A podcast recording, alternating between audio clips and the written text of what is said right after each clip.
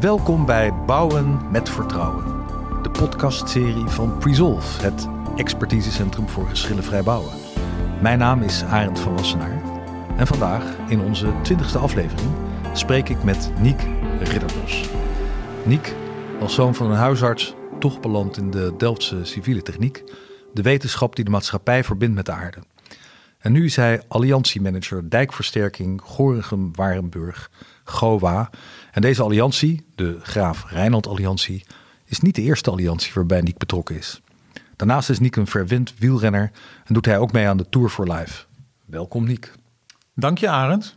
Ik heb er zin in. Goed zo Niek. Nou, in ons voorgesprek heb je wat verteld over je loopbaan bij Van Hattem en Blankenvoort en Volker Wessels. Waar je ook betrokken was bij zulke prachtige projecten als Zijdwende, A2 Hooggelegen en ook nog de Markermeerdijk, een alliantie die best wel lijkt op uh, het project waar we vandaag elkaar ontmoeten. Zo is het. Precies. En er zijn niet veel mensen die zoveel allianties betrokken zijn geweest als jij. En inmiddels hier in Vuren ben ik erg benieuwd naar je verhaal en wat we daaruit kunnen leren als het gaat om geschillenvrij bouwen. Leuk. Ja, Heniek, um, ik heb het in de inleiding al gezegd, zoon van een huisarts in Delft gaan studeren. Ja. Hoe kwam dat? Ja, dat was wel even een dingetje. Want als zoon van een huisarts, ja, ik ging gewoon huisarts worden natuurlijk. Dat zul je begrijpen. Ik zag mijn vader dat doen, leek me hartstikke leuk. Was hij ook nog apotheekhoudend huisarts? Hij was geen apotheekhoudend huisarts, dat niet. Maar uh, mijn moeder die had daar wel haar vraagtekens bij. En ja, je weet dat een zoon en je moeder, dat zijn niet de eerste naar wie je dan luistert. Maar die stelde op een gegeven moment wel een relevante vraag van... Joniek, medicijnen, daar kun je ook voor uitgeloot worden. Zou je niet eens nadenken wat je gaat doen als je uitgeloot zou worden? Nou, dat vond ik toch wel een relevante vraag, dus dat ben ik gaan doen. Ja, en in mijn zoektocht wat ik ging doen, kwam ik uit bij weg- en waterbouwkunde, civiele techniek. Ja, zoals zoveel. En ik heb geen seconde getwijfeld. Ik heb me ook niet ingeschreven voor medicijnen. En ben uh, meteen gewoon, uh, rechtstreeks naar Delft gegaan. Rechtstreeks de grond ingedoken. Zo is het. Ja, je zei zelf, ik bedoel, ik, ik zei daarnet, hè, de, de wetenschap die maatschappij verbindt met de aarde. Maar dat waren eigenlijk jouw woorden. Ja, zeker.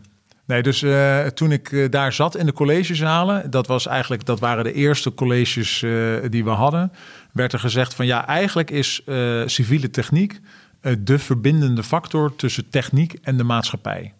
En dat is, daar werd ik eigenlijk meteen door gegrepen, want daar zit dus communicatie ook heel sterk in. Mm -hmm. Daar zit ook het stukje menskant in. Van ja, ik begreep wel dat het voor mensen niet altijd begrijpelijk is wat ingenieurs uh, allemaal bedacht hebben. Ja. En dat er toch ook maatschappelijk draagvlak nodig is om dat voor elkaar te krijgen. Ja. Dus ik dacht eigenlijk meteen vanaf het eerste moment: ik zit hier helemaal goed. Ik uh, heb nog geen idee wat ik later ga doen, maar dit is, he dit is helemaal mijn uh, studie. Het voelt goed. Het voelt goed. Grond, water, beton, staal, kunstwerken. Ja. Ja, een uh, infrastructuur eigenlijk. Ja, zo is het. En Nederland als waterland, het, Ja. uh, de wetenschap die ook ons beschermt tegen het water. Ja.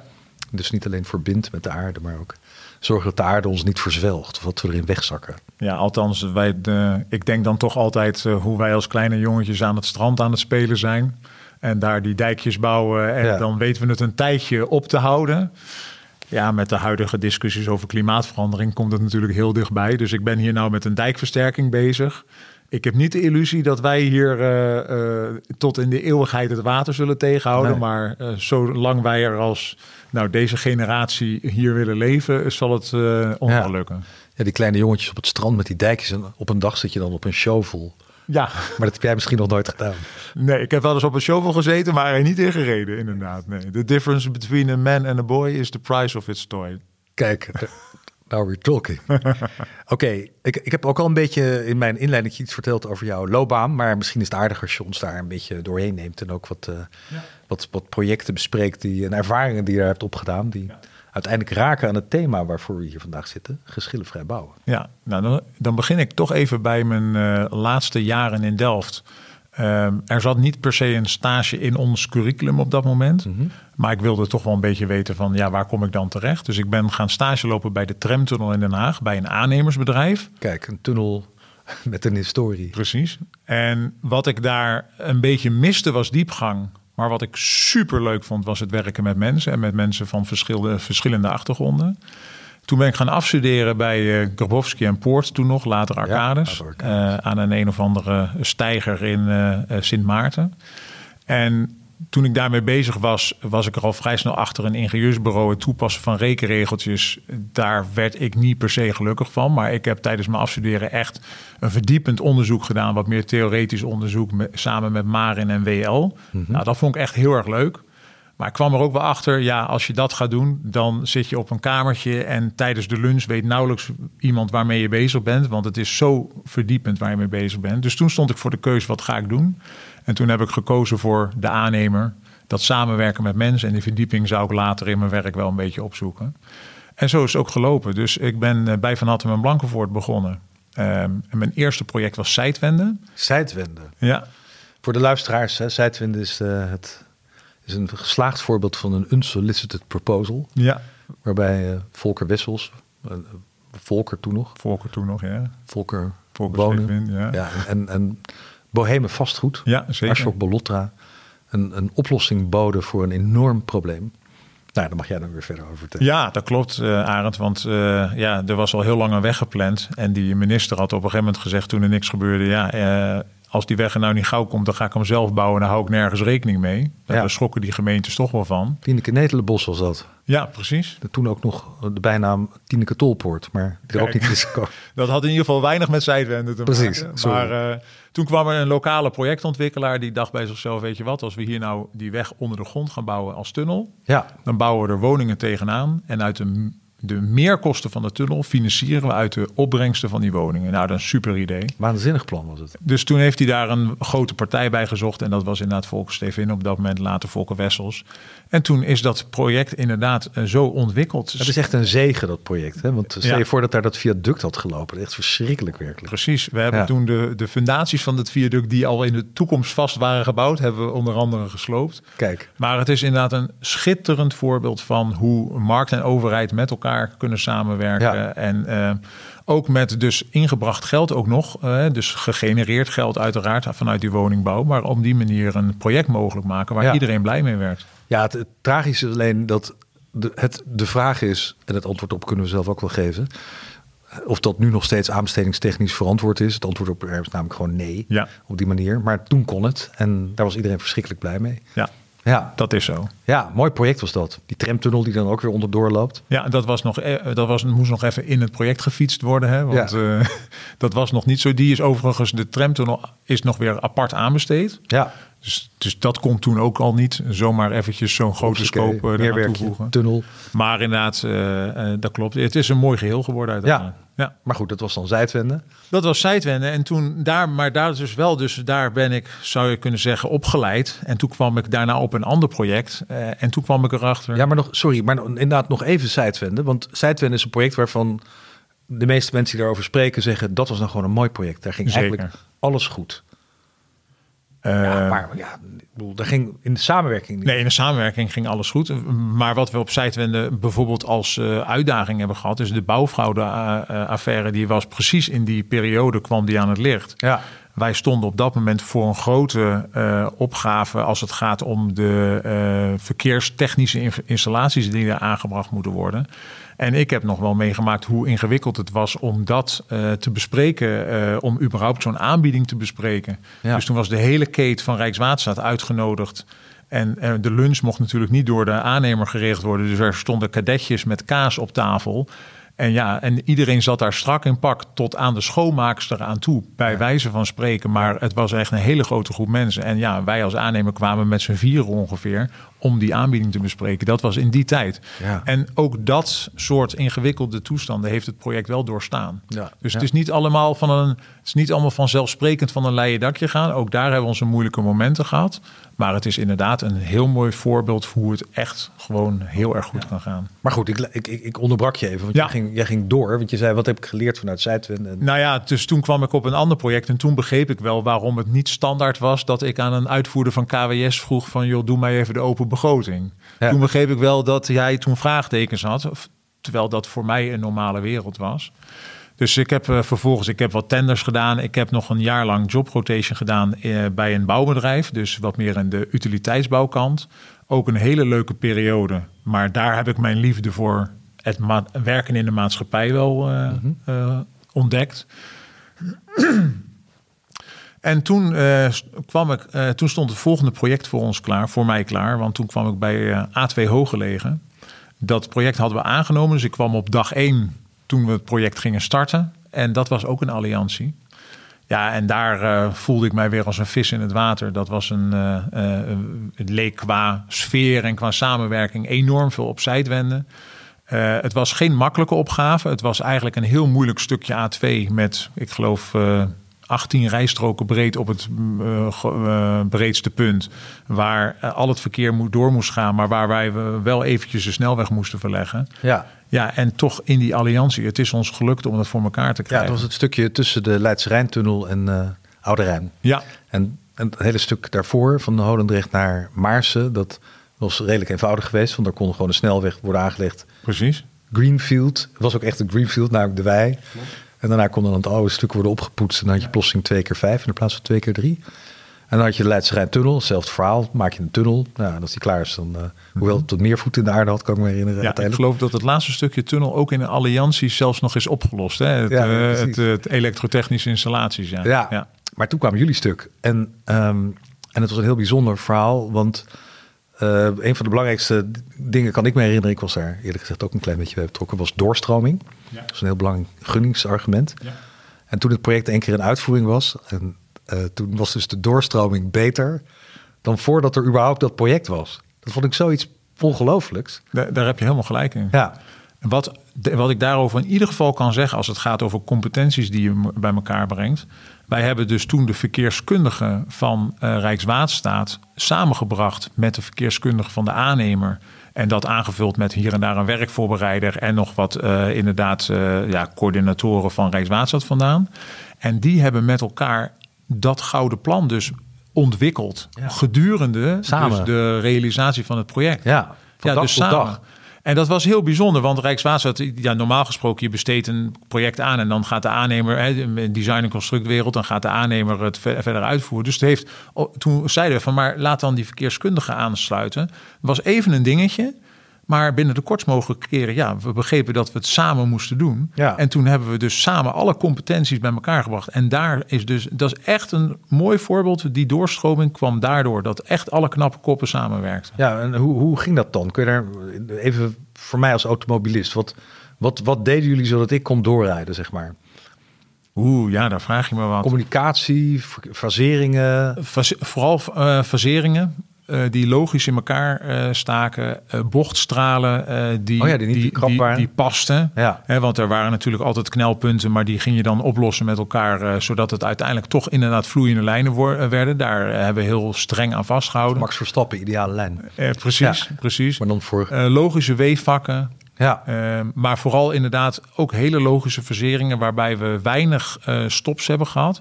Maar we hebben een paar stops gehad. Hè. We hebben daar de op dat moment langste liggers van Nederland gelegd. Inmiddels al lang niet meer natuurlijk. Ja. Maar uh, ja, met dit soort maatregelen. Ja, waanzinnig. Um, ook nog, wat er ook nog meespeelde van die kleine dingetjes. bouwlichten, bouwlampen die wel eens op automobilisten schijnen. Ja. Dat werd bij ons super snel verholpen. Want er kwam een telefoontje naar Rijkswaterstaat. Ja, en eh, binnen de kortst mogelijke keren was het bij ons. En werd gewoon in dezelfde spits. Ja, tegenwoordig weet ik niet hoe het gaat. Neem ik aan dat het allemaal redelijk snel gaat. Maar toen was het allemaal nog niet zo standaard. Maar uh, toen was het er gewoon in dezelfde spits waren die lampen alweer bijgedraaid. Ongelooflijk. Ja, nee, dus, dus en je zei uh, net zoals bij Zijtwende, maar Zijtwende was natuurlijk geen alliantie. Klopt. Er was wel een hele goede samenwerking tussen alle betrokken partijen. Ja. Dus ik denk dat er, als, als het gaat over waar die sfeer door veroorzaakt werd, dat je met elkaar het gevoel had van we zetten samen de schouders onder het project. Ja. En de alliantie was dan nog iets meer dat je ook samen risicodragend daarin zat. Ja. Dat was bij Zijtwende dan ietsjes minder. Maar er was bij Zijtwende wel echt een uh, hele intrinsieke drive van alle betrokkenen. Van wij gaan dit project met elkaar neerzetten. Want wij, wij hebben hier allemaal baat bij. En dat, dus je had misschien niet per se helemaal hetzelfde belang als het gaat over risicoverdeling. Maar je had wel hetzelfde belang als het gaat om dit project gaat slagen. Ja, mooi. Ja. Um, die alliantie. En Ik heb gezegd ook nog de Markermeerdijken. Dat was dan het volgende project meteen al? Ja, uh, daar, nog daar, zat, daar zat wat uh, tussen. Ik, ik zeg altijd, ik heb grofweg tien jaar op projecten gezeten. Altijd bij het, met uh, geïntegreerde en ingewikkelde contractvormen. En daarna ben ik tien jaar in lijnfuncties terechtgekomen. In, als bedrijfsleider en als directeur van het ontwerp. En als directeur van het ontwerp ben ik aan de zijlijn van Markermeerdijken betrokken geweest. Dus mijn team heeft daar opgezeten. En dat, uh, ik was daar dus aan de zijlijn. Ik zat daar in, het, in de designboard, dat soort functies. Ja, ja. Uh, was ik bij dat project betrokken. Maar ja. goed, en, en, de parallel tussen het project waar we hier vandaag elkaar ontmoeten en het Markermeerdijk is hoogwaterbeschermingsprogramma. Zeker. Kun je er wat meer over vertellen over dit project? Ja, ik kan zeker heel veel vertellen over uh, deze dijkversterking. Iets, ja. Dus, uh, hoog... Met name het alliantieachtige erin ja, en, ja, wat het zo bijzonder maakt. Hoogwaterbeschermingsprogramma is 1500 kilometer dijk versterken uh, tot en met 2050. Daar is een, een onderzoek naar gedaan of er zijn, de dijken zijn getoetst. En deze dijk die hier ligt, die was zwaar afgekeurd. Staat in de top 10 van meest afgekeurde dijken in Nederland. Ja, dat is dus de dijk die de Noorddijk aan de Waal, aan de die Waal. van Gorkum van naar... Gorkum tot Waardenburg. Ja, precies. 23,5 kilometer. Ja. En uh, het was op dat moment dat het project start, ging starten in 2017 onbekend wat precies de uitkomst zou zijn toen als we het nieuwe ontwerpinstrumentarium gingen toepassen. Dus de Mhm. omvang van het project was onduidelijk. Um, er was uit onderzoek gekomen dat er uh, veel uh, informatieverlies op faseovergangen zit. Hè. Dan weer het ingenieursbureau, dan weer uh, de volgende ingenieursbureau, dan weer de aannemer en dan weer de beheerder. Ja, het is een beetje dat doorfluisterspel waarbij iemand iets begint te fluisteren en tien mensen later komt er een heel ander verhaal uit. Nou, dat, daar heb je het over. Precies dan. Ja. En toen heeft het waterschap Rivierenland heeft bij zichzelf bedacht van ja, ik wil dit samen met de markt doen. Die heeft een marktconsultatie gehouden en die was positief verrast over hoe verregaand de markt graag wilde samenwerken. Hmm. Dus daar waar het waterschap aan de, aan, aanvankelijk nog een beetje een soort van huiverig was van ja, kunnen we dit wel vragen? Omarmde de complete markt het meteen. Iedereen zag het zitten. Mooi. En toen hebben ze dus inderdaad een alliantie aanbesteed op eigenlijk vooral op samenwerking en op een financieel plan. Dus nog niet eens precies over wat het allemaal gaat kosten, maar wel over hoe gaan we met de kosten om. Nou, dat was heel simpel, want uh, hier heeft de aannemerscombinatie gezegd van joh, uh, we gaan hier uh, werkelijke kosten boeken in het project en dat kun je tot op de loonkosten van het personeel terugvinden. En zo, is, zo gebeurt het ook nu. En uh, vaste opslagen overeengekomen voor algemene kosten. Ja, kleine, van, kleine winstopslag voor de... kleine winstopslag. En dat zijn de, zeg maar dan de enige vast op, ja. vaste opslagen. Aannemerscombinatie misschien goed om te zeggen. Heijmans, GMB, de Friese van de Wiel. Samen als Waalensemble. En die vormen dus samen met waterschap uh, Deze de, de Graaf Reinhold Alliantie. Graaf Reinhold Alliantie. Zeg, voordat we nog iets over allianties uh, verder gaan. Uh, ik heb ook verteld in de inleiding, want dat heb jij mij weer verteld in ons voorgesprek. Dat jij een enthousiast fietser bent. Zeker. En kun je daar wat meer over zeggen? Ja, um, ik, Hoe belangrijk is het om fit te zijn? Nou, dat is wel heel erg belangrijk voor me. Ik uh, was een jaar of dertig toen ik de trap opliep uh, op kantoor en op vier hoog hijgend aan de directeur ging uitleggen wat ik aan hem te vertellen had. En toen dacht ik bij mezelf, dit moet anders. We hadden al wel wat van die sessies gehad waarin verteld werd hoe belangrijk het is om fit te zijn. Maar vanaf dat moment ben ik twee keer in de week gaan sporten en dat doe ik tot nu toe nog steeds. Even, soms eventueel iets vaker tegenwoordig, omdat ik me aan het voorbereiden ben voor die lange tocht, de Tour, Tour Life. Ja. Maar ik ben erachter gekomen dat, uh, ik bedoel, er komt steeds meer uh, komt er, uh, aandacht voor fitheid. Maar als je fit bent zelf en je zit lekker in je vel, dan ben je ook een leukere gesprekspartner voor andere mensen. En als je uitgerust bent en op, voldoende slaapt, dan kun je ook beter presteren en dan kun je beter met elkaar het resultaat neerzetten waar je voor staat. Dus ik heb gemerkt dat fitheid ongelooflijk belangrijk is. En ik probeer dat ook, ook uh, zelf uit te stralen en zelf ook voor te leven. En ik merk uh, hoe fitter je bent als persoon, hoe makkelijker het samenwerken is. En dat zegt natuurlijk ook iets over de fitheid van het team. Mm-hmm. fitheid van het team gaat niet alleen maar over lichamelijke fitheid. En nou uh, praat ik een klein stukje uh, het uh, verhaal van Jochem Uitenhagen, ja, ja, ja. onze Olympisch kampioen. Die zegt, ik heb, me, ik heb me altijd gefocust op lichamelijke fitheid. Hij zegt, als ik toen had geweten wat ik nu weet, had ik beter gepresteerd. En hij vergelijkt dat met vier batterijen die alle vier in evenwicht moeten zijn. Je moet een spirituele batterij. Je moet echt de spirit hebben om ervoor te gaan. Je moet emotioneel moet je goed in je vel zitten. Mentaal. Je moet goede kennis hebben. En je moet weten wat je moet doen en daarmee om moeten gaan. En je moet fysiek uh, scherp zijn. Nou, en die, daar met dat verhaal van hem, daar heb ik heel veel mee. Hij is hier een jaar geleden ook op de Alliantie hier geweest. Heeft zijn verhaal hier verteld. Oh, mooi. En zo kijk ik ook naar een team. Dus het gaat niet alleen maar over of je voldoende kennis hebt. Nee, het gaat er ook of er voldoende drive is. Ja. Of mensen emotioneel ook lekker in hun vel zitten. En ook of ze lichamelijk fit zijn. Dus ik vind dat erg belangrijk uh, in een team. Dus dat betekent wel dat, daar, dat je daar actief aan moet werken. Zeker. Die fitheid die, die komt je niet aanwaaien of zo. Absoluut. Dus je moet trainen, zeg ja, maar. Ja. En traint zo'n organisatie daar dan ook in? Die traint uh, zeker daarin. Vertel ja. daar eens wat over. Dus uh, kijk, je moet uh, goed nadenken over... er moet een stuk werk hier verzet worden... en daar zijn mensen gewoon mee bezig. Maar je moet ook voldoende aandacht hebben voor zaken... die niet alleen maar direct met de inhoud te maken hebben. Dus een van de onderwerpen of dingen die we hier organiseren... zijn kennisdelingsdagen. Daarin uh, delen we kennis met elkaar en dan verenigen we het nuttige en het aangename. Dus Ja. er zit altijd een, een leuk element in, eh, een actief element de ene keer, of eh, hè, de- die niet direct met het eh, werk te maken heeft. Maar een ander element is dat we hier op dit project eh, elke keer een team die laat zien aan de andere vier, vijf disciplines die we hier hebben, wat hun dagelijks werk inhoudt en met welke eh, opgaven zij geconfronteerd worden. Ja. Dus zo zijn we ook kennis aan het uitwisselen en begrip aan het kweken voor elkaar. En daarna eten we natuurlijk met elkaar. Ja. Nou, Dus, dat is, dat, dus jullie werken er gewoon keihard. wij wer- werken daar actief aan. We organiseren natuurlijk een zomerbarbecue. We organiseren af en toe een cultureel uitje. Heb ik namelijk ook een keertje gehoord van een medewerker van mij, Niek. Jij organiseert altijd fietstochten, doen we hier ook. Maar ik, ik ben helemaal niet van het fietsen. Ik wil eh, ook wel een keer een museum bezoeken. Ik wil naar Loevestein. Nou, en dat hebben we dus ook gedaan. We zijn naar Loevestein geweest. We, Oh. hebben, we hebben een stadswandeling in Gorkum gemaakt. Dus, Met de boot. eh, we zijn niet met de boot gegaan. Nee. Dat hebben we niet. Ja, dames en heren, de Loevestein ligt hier namelijk gewoon aan de overkant. de Dus, eh, steenworp afstand. Ja, precies. Ja. Moet je heel ver kunnen gooien wel. Want eh, ja, het thema van deze podcastserie, Bouwen met Vertrouwen, gaat eigenlijk over geschillenvrij bouwen. Ja. En in hoeverre zijn die ervaringen waar je me nu over vertelt, hebben die ook positief effect op het voorkomen of het beter oplossen van mogelijke geschillen?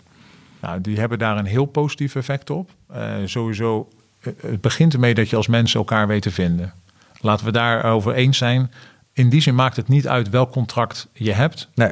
Als jij als mensen elkaar weet te vinden en je res- respecteert elkaar, dan kun je een heel eind komen en dan kun je ook, als er een geschil eh, ontstaat, als volwassenen met elkaar blijven communiceren, elkaar goed op de hoogte houden en eh, ja, met elkaar naar een oplossing zoeken. En als dat soms een keer via de rechtbank moet, dan moet het via de rechtbank. Maar ik denk dat het in 9 van de 10 gevallen niet meer nodig Ja, is. het zou echt zonde zijn, de tijd naar die rechtbank. Precies. Ja. Maar als je dan naar deze contractvorm kijkt. Wij hebben eh, in de alliantie, wij delen alle risico's met elkaar. Behalve eh, ehm, de echt bijzondere omstandigheden en wijziging van we- wet en regelgeving. De praktijk hier is dat wij aan de opdrachtgeverskant 0,4 FTE contractmanager hebben. En aan de aannemerskant of aan de alliantiekant ook 0,4 FTE contractmanager. Maar niks. Dat is echt alles wat we hebben. Die contractmanagers die kennen elkaar. We hebben ook in deze alliantie natuurlijk een paar spannende momenten gehad. Dat heb je ook in een alliantie. Maar met deze twee contractmanagers die allebei twee dagen in de week betrokken zijn bij het project, redden we dit hele project. En als hier een geschil dreigt te ontstaan of er ontstaat een eh, onverwachte situatie, dan gaan wij hier niet in een reflex als eerste eventjes kijken van wat is mijn positie en hoe sta ik ten opzichte van de ander en zal ik maar even mijn mond houden, ik wacht eventjes tot de ander reageert. Nee, het is precies andersom. Als hier een onverwachte situatie ontstaat, dan gaan we naar elkaar toe. Dus leggen we alles op tafel. Jongens, dit is er aan de hand. En hoe kunnen we dat het beste en het snelste oplossen? En op die manier is er niet eens eh, ruimte om een conflict te ontstaan, want je doet het intrinsiek, eh, los je het samen op. Is daarvoor die alliantiecontract eh, nodig? Nou, zoals ik al zei, niet per se. Maar het helpt enorm. En ik durf zelf één stapje verder te gaan. Ik zeg, de cultuurverandering die we nodig hebben in de bouw is... Hè, we moeten elkaar meer vertrouwen en vanuit vertrouwen werken. Een alliantie creëert vertrouwen. Want je kunt eigenlijk niet anders. En als je uh, zonder vertrouwen begint, dan kom je er wel achter.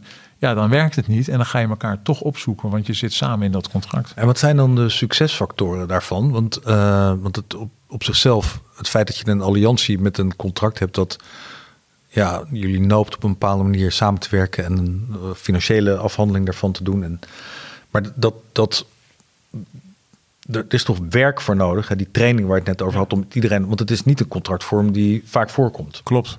En dat is natuurlijk een hele grote bijzonderheid. Dat we het nog steeds over een soort van innovatieve contractvorm hebben. Ja. Terwijl we al twintig jaar voorbeelden hebben van alliantievormen. Ja. En terwijl je welke alliantie je ook spreekt, hoort dat het gewoon een enorm plezierige contractvorm is om te werken. Maar wat je, waar, waar jij op doelt, het is niet alleen het contract natuurlijk. Nee. Uh, en dan, dan, we doen een alliantie en dan werkt het. Dus wat zijn succesfactoren? En nou, in ieder geval dat je mensen hebt met een open uh, houding ten opzichte van elkaar. Dat je mensen hebt die zich kwetsbaar durven op te stellen, die zichzelf bloot durven te geven voordat de ander dat doet. Uh, ja, en uiteindelijk, ja, linksom of rechtsom, het draait om mensen die met elkaar vormgeven wat zo'n contract uh, uh, beoogt. Dus je bedoelt het doel van de alliantie, wat het contract beoogt. Ja, het, het realiseren bijvoorbeeld van dit precies. prachtige hoogwaterbescherming. Ja, en, en daar werk je natuurlijk ook met elkaar aan dat je, je, dat je dat doel met elkaar omarmt. En dat dat doel ook helder is. En dat doel is natuurlijk niet enkel en alleen het realiseren hier van een dijkversterking. Het doel is ook dat er binnen budget uh, versterkt wordt. Het doel is ook dat er aan het eind van de streep uh, een aannemer nog geld verdient. Hè, los, Ja. los van het budget van de opdrachtgever. Maar een ander doel, wat we niet zo heel vaak noemen.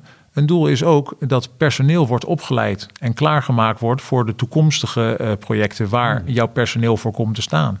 Een doel is uh, beter begrip uh, voor de branche waarin je werkt. En beter, in dit geval dan beter begrip vanaf de aannemer richting de opdrachtgever. Van hey, hoe werkt dat nou eigenlijk bij een opdrachtgever? Ja, want hier zitten ze eigenlijk samen met de opdrachtgever. Dus kunnen nou, je zit hier gewoon in één team. Vanuit de opdrachtgever ook weer exact. nadenken over wat er allemaal nodig is. Ja. ja. Hey, en, en de omgeving, denk ik. Want jullie zitten hier natuurlijk met een hele interessante omgeving over die uh, ja. 23 kilometer. Ja, Heel wat woningen, mensen aan de dijk. Die, uh... wij, wij hebben ongeveer 400 mensen die wonen aan deze dijk. Dus in, inderdaad, en dat is ook een belangrijk aspect. Dat is goed dat je daarover begint. Ehm, de omgeving die eh, wil hier met minimale overlast eh, die dijkversterking voor elkaar hebben. Uh, ja, dat krijg je alleen maar als je elkaar echt goed begrijpt als opdrachtgever en als aannemer. Hoe je dat kunt bewerkstelligen. En dat begint natuurlijk in de ontwerpfase.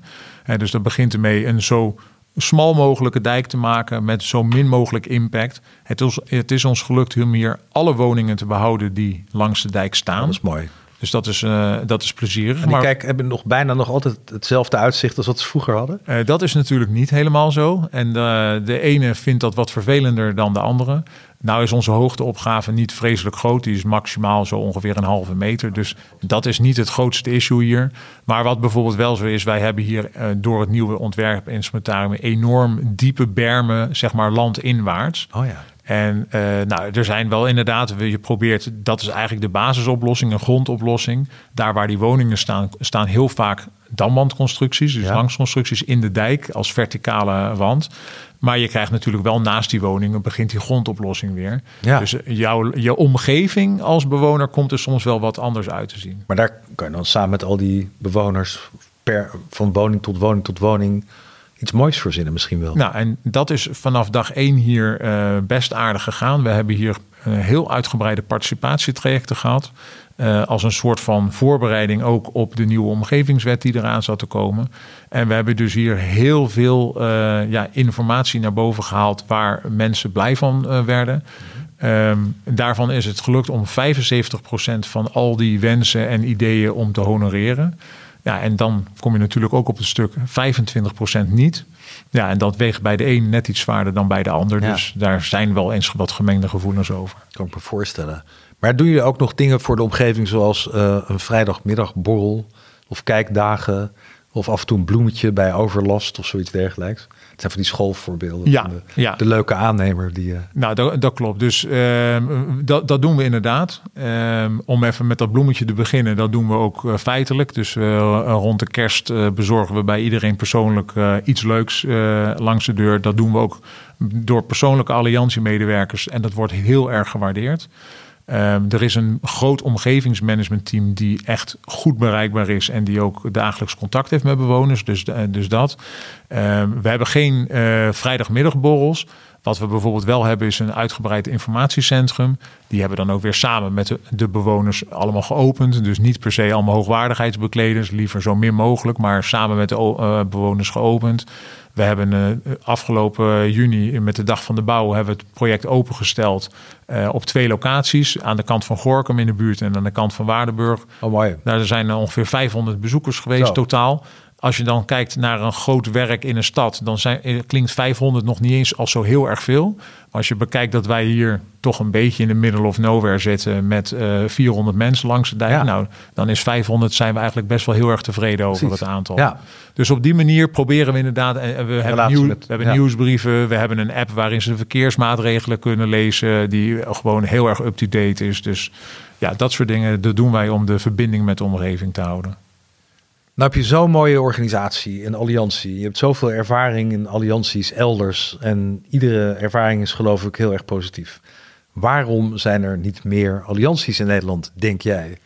Ja, dat is een vraag die ons allen enorm bezighoudt. Um, wij uh, hebben hier een lerende organisatie, dus er komen ook hier veel mensen langs om van elkaar te leren. Dit is een vraag die vaak op tafel ligt als je mij gesteld wordt. Als je, uh, dus als je mij op de man afvraagt van waarom denk je dat dat uh, niet zo is? Ik denk dat mensen huiverig zijn, uh, en dan heb ik het met name aan de opdrachtgeverskant, beslissers, om toch ergens in te stappen waarvan je de uitkomst nog niet zeker weet. Mm -hmm. Dus het, je hebt wel enig moed en lef nodig om in zo'n contract te stappen.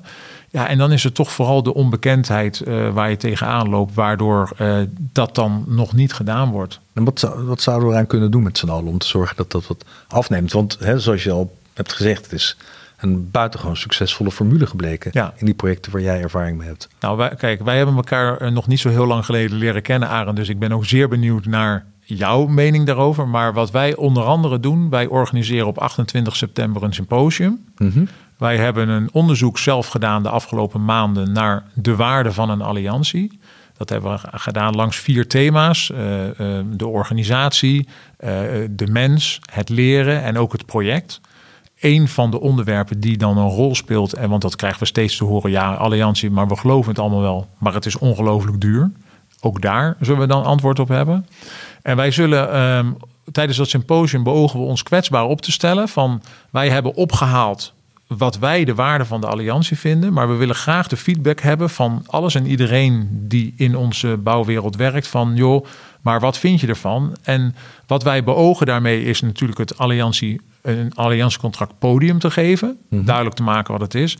Ja, en wij wensen van harte dat wij ook in ons volgende project weer in een alliantie kunnen ja, gaan samenwerken. Ja. Dus wij, wij beogen daarmee ook dat er meer dat er de, de onbekendheid van allianties vermindert en dat er meer allianties kunnen en zullen ontstaan. Ik denk inderdaad dat je gelijk hebt dat het gewoon een uh, onbekendheid is. Uh, zorg of angst misschien wel voor het nieuwe. Ja. Onvoorspelbaarheid. Ja. En daarmee toch beter maar gewoon de oude vertrouwde wegnemen. Terwijl we allemaal weten, en wat leuk dat jullie dat op 28 september gaan uitdragen, dat allianties, mits goed gemanaged en mits goed voorbereid en mits, ja. nou, mits aan al die zaken waar je net over vertelde aandacht wordt besteed, uh, ook aandacht wordt besteed. Mooi hoor, 28 september. Waar is dat? Uh, dat is hier in de buurt, in het Geofort. Kan je daar kaartjes voor kopen? Of, uh... Uh, daar kun je zelfs kaartjes voor krijgen. Dan hoef je niet eens te kopen. Je hoeft je alleen maar aan te melden. En je kunt de aanmeldlink op onze website vinden. Ja, dus als luisteraars uh, die dit horen voor 28 september daarheen willen, naar welke website is dat? www.galliantie.nl Gralliantie. Van, de, van de Graaf Reinhard Alliantie. www.gralliantie.nl Nou Niek, we zijn bijna aan het einde van deze podcastopname. Maar kan je nog heel even vertellen wanneer is de Tour of Life? Ja, de uh, Tour for Life, die is, for op, life. Uh, die is uh, ik geloof dat ik op 26 augustus op de fiets stap in Italië. Ja. En dan fiets ik terug naar Nederland en dan haal ik geld daarmee op voor de Daniel Den Hoed Stichting. En hoeveel kilometer ga je daar rijden? En daar gaan wij 1300 kilometer rijden en in... ongeveer 20.000 hoogtemeters in acht dagen. In acht aan dagen. ingesloten. Aan ingesloten. Dag en nacht. Gaat gewoon... Nou, niet dag en nacht. We slapen. Ieder... S'nachts slapen maar er zit geen rustdag tussen. Er zit geen rustdag tussen. Het is, uh, en we nemen dit trouwens op ook op de dag dat er een, de laatste zware bergetappe in de Tour is. Zeker. Gisteren was die legendarische tijdrit. Ja. Waarbij Vinkegaard iedereen, inclusief Pogacar, lesje heeft geleerd. Ja, en toch ook wel mooi om te zien dat die twee renners toch uh, wel ook samen nog weer boven de rest uitsteken. Een klasse apart zijn. Ja, ongelooflijk. Nou ja, maar Tour for Life is vooral samenwerking, denk ik. Hè? Zeker, zeker. Dat doen we met, uh, met, elkaar en we fietsen met ongeveer uh, 200, 250 wielrenners en maken daar een mooie en zware tocht van. Heel goed. Nou, dankjewel Niek. Dat was echt een heel erg mooi verhaal waar de luisteraars heel veel aan zullen hebben, denk ik. Ja, dankjewel uh, Arend. Uh, graag gedaan. Ik vond het leuk om met je in gesprek te zijn. En uh, nou, ik ben benieuwd wat hier allemaal weer uit voortkomt. Ik ook. Dus luisteraars, dit was aflevering 20 van Bouwen met Vertrouwen. De podcastserie van Presolve, het expertisecentrum voor geschillenvrij bouwen. Ik sprak met Niek Ridderbos, alliantiemanager dijkversterking Gorinchem-Waardenburg, GOBA, in de Graaf Rijnald Alliantie. Deze podcastserie is te beluisteren via Apple en Spotify, waar je zich hier ook op kunt abonneren. En we zien u heel graag terug bij een volgende aflevering.